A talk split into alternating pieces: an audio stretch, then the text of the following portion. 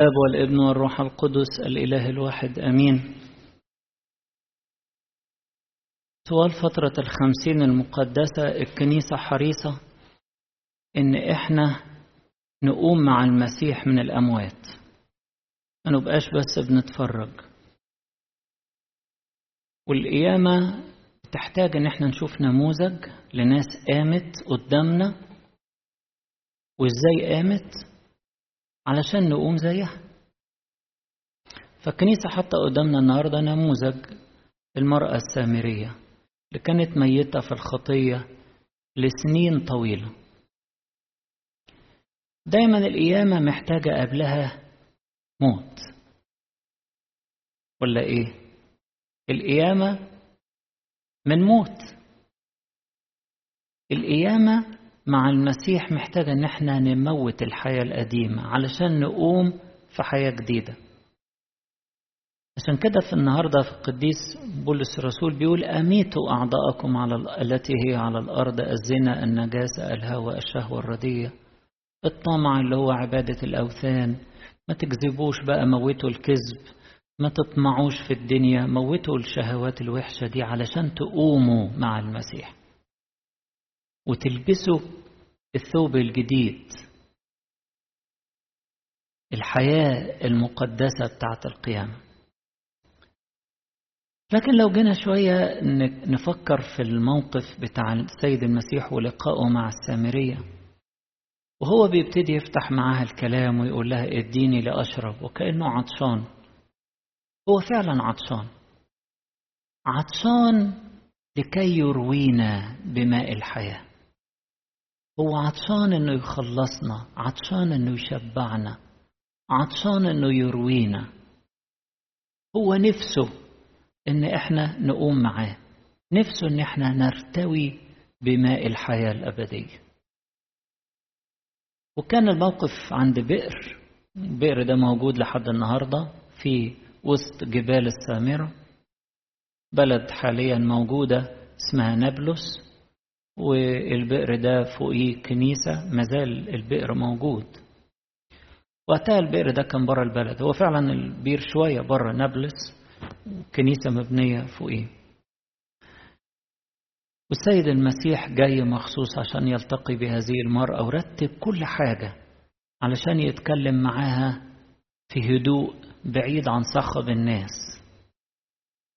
ولو إحنا واخدين بالنا هنلاقي المسيح بيعمل معانا كده برضه. بيرتب أوقات يكلمنا فيها على انفراد يكلمنا فيها لوحدنا عشان نسمع ويعمل معانا حوار لحد لما نطلع اللي جوانا ونلفظ الحياة الوحشة القديمة ونلقيها خلفنا ونبتدي معاه بداية جديدة ونرتوي بماء الحياة الأبدية.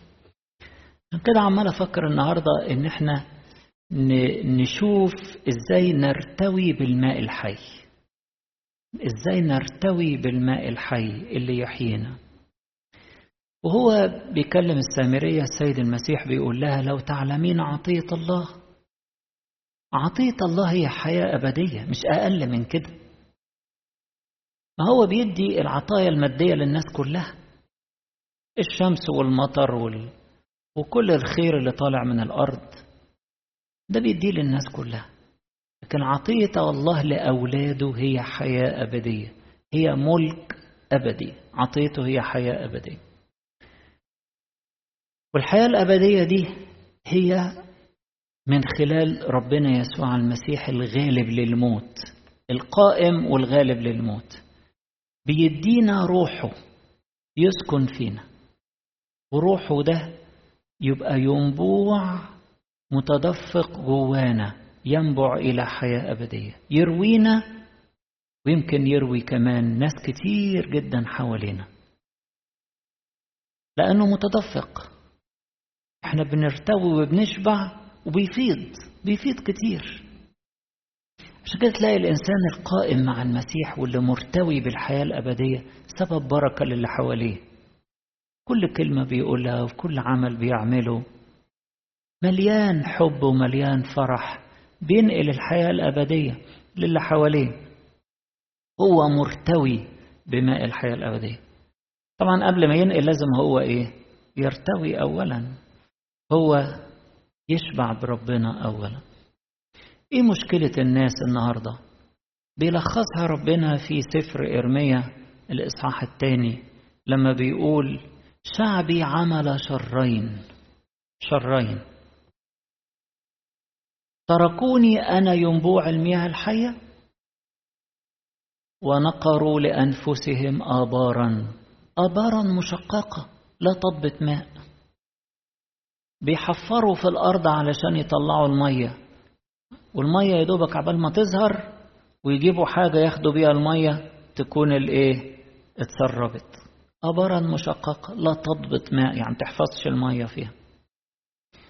فشعبي عمل شرين.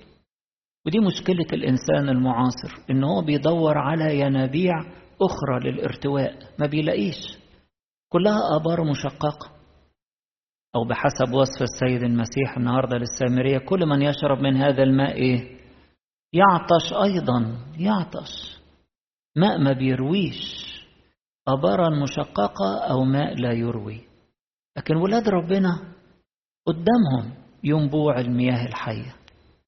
عايزين يرتووا بالمية الحية يرتووا من خلال اللجوء لربنا من خلال إنه ياخدوا زي ما بنقول في الترتيلة من فمه يأتي شبعي من فمه يأتي شبعي يحيوا بكل كلمة تخرج من فم الله مش بالخبز زي ما كنا بنشرح الأسبوع اللي فات. الخبز ده بيدينا الحياة الأرضية بس بيقوت الجسد للحياة الأرضية. لكن السيد المسيح بيدينا بقيامته حياة من نوع آخر حياة أبدية ما يغلبهاش الموت. ودي ناخدها لما نرتوي بعمل روحه وبكلامه.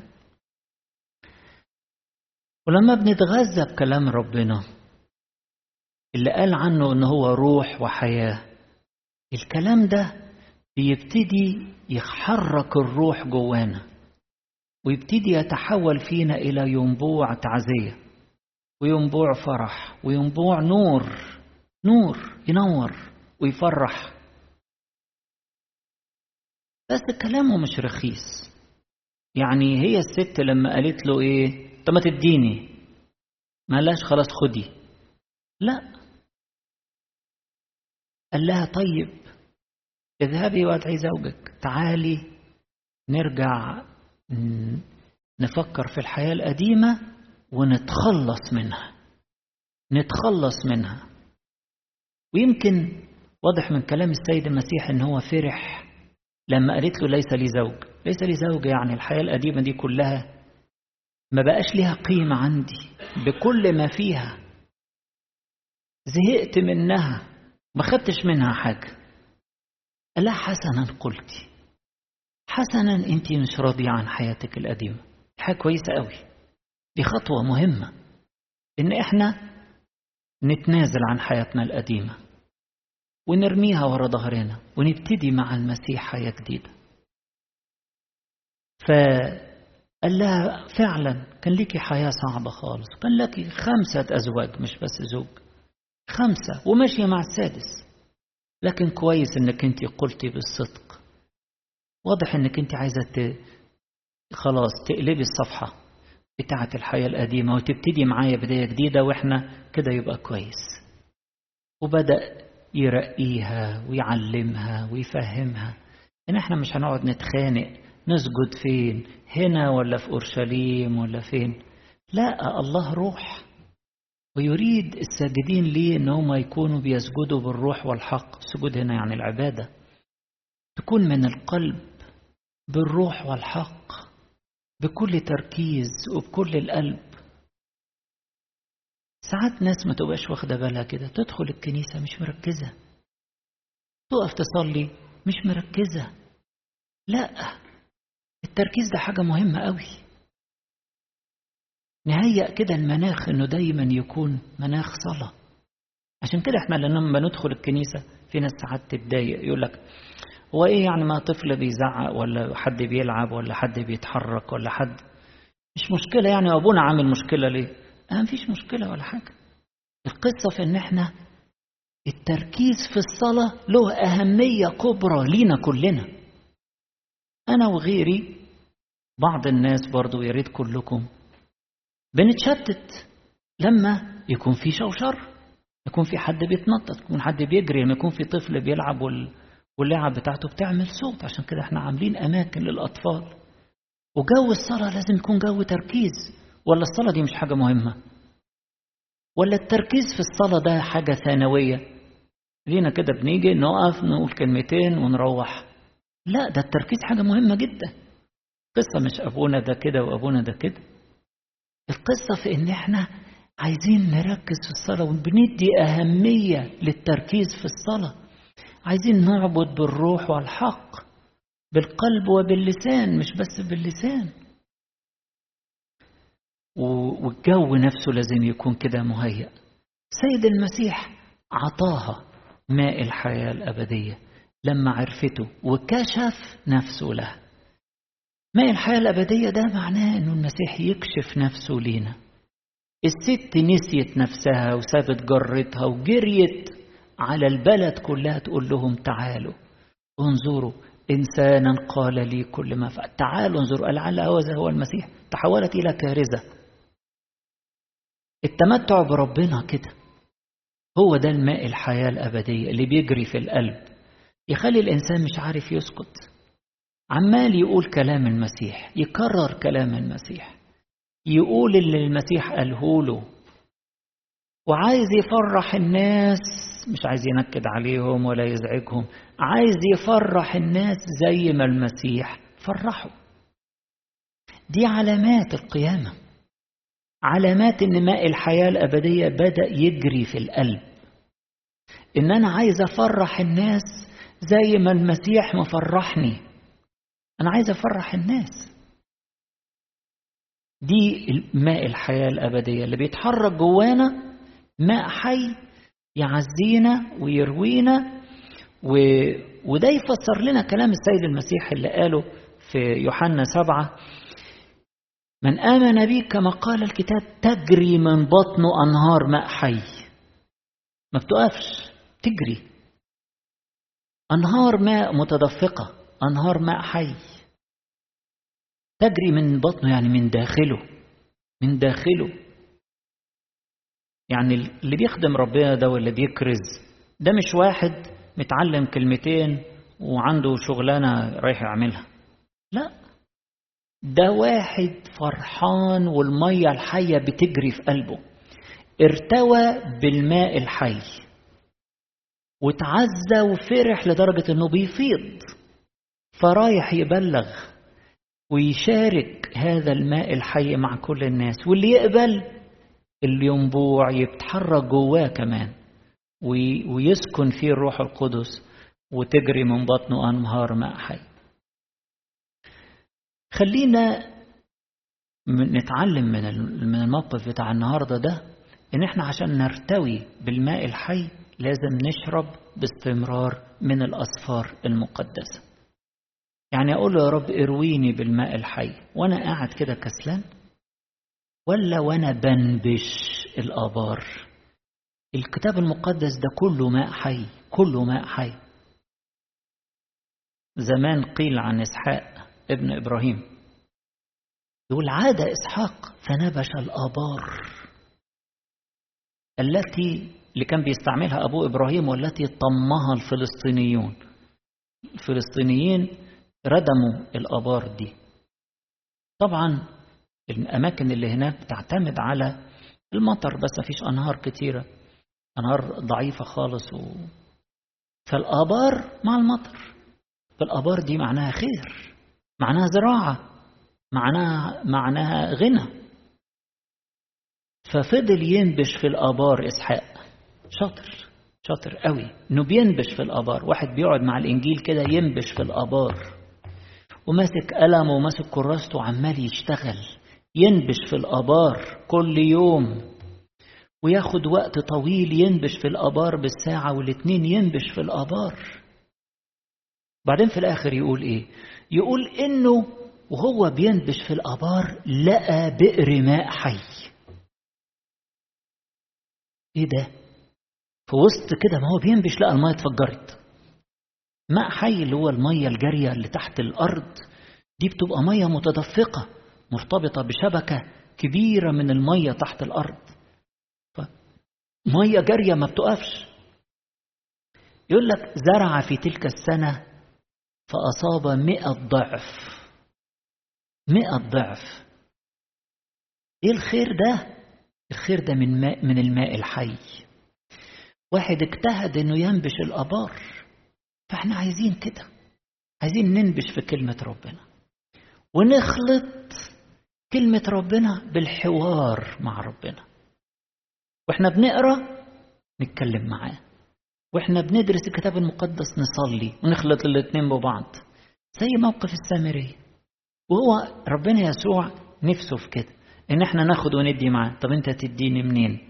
طيب هتجيب لي إزاي؟ طب ما تديني. هو يكلمني وأنا أكلمه. ويكلمني وأنا ويصلح لي أخطائي. هو قاعد يصلح للست أخطائها. غلطت كتير في وسط الكلام. قال إيه ما لك ليس لك دلو والبئر عميقه ومرة تقول له بس أنتوا بتقولوا إن السجود في أورشليم وإحنا أبائنا سجدوا على هذا الجبل. تدخل في متاهات كده. والسيد المسيح يظبط لها المسار. يقول لها المية دي مش هي المطلوبة.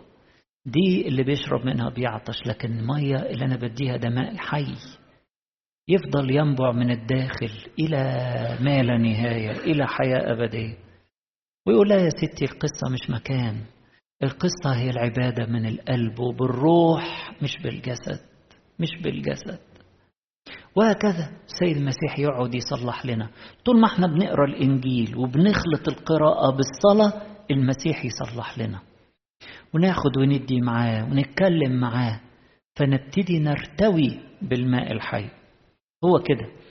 نشرب بشكل مستمر والكلمة الإلهية تحيينا ونقيم حوار مع ربنا زي ما فعلت السامرية فارتوت بالماء الحي وقامت من الأموات. كان عاجبني قوي تعليق للقديس كيرلس الكبير بيتكلم فيه عن الماء الحي وإزاي شعب ربنا بيرتوي بالماء الحي من خلال الأسفار المقدسة. دي في عظة 48 على إنجيل لوقا. أقول لكم مقتطفات كده صغيرة منها. بيقول إيه؟ بيقول جماعات المؤمنين لهم في الكتب المقدسة مرعى مملوء بأنواع مختلفة من النباتات والزهور. تلك الكتب هي مرشدكم الحكيم.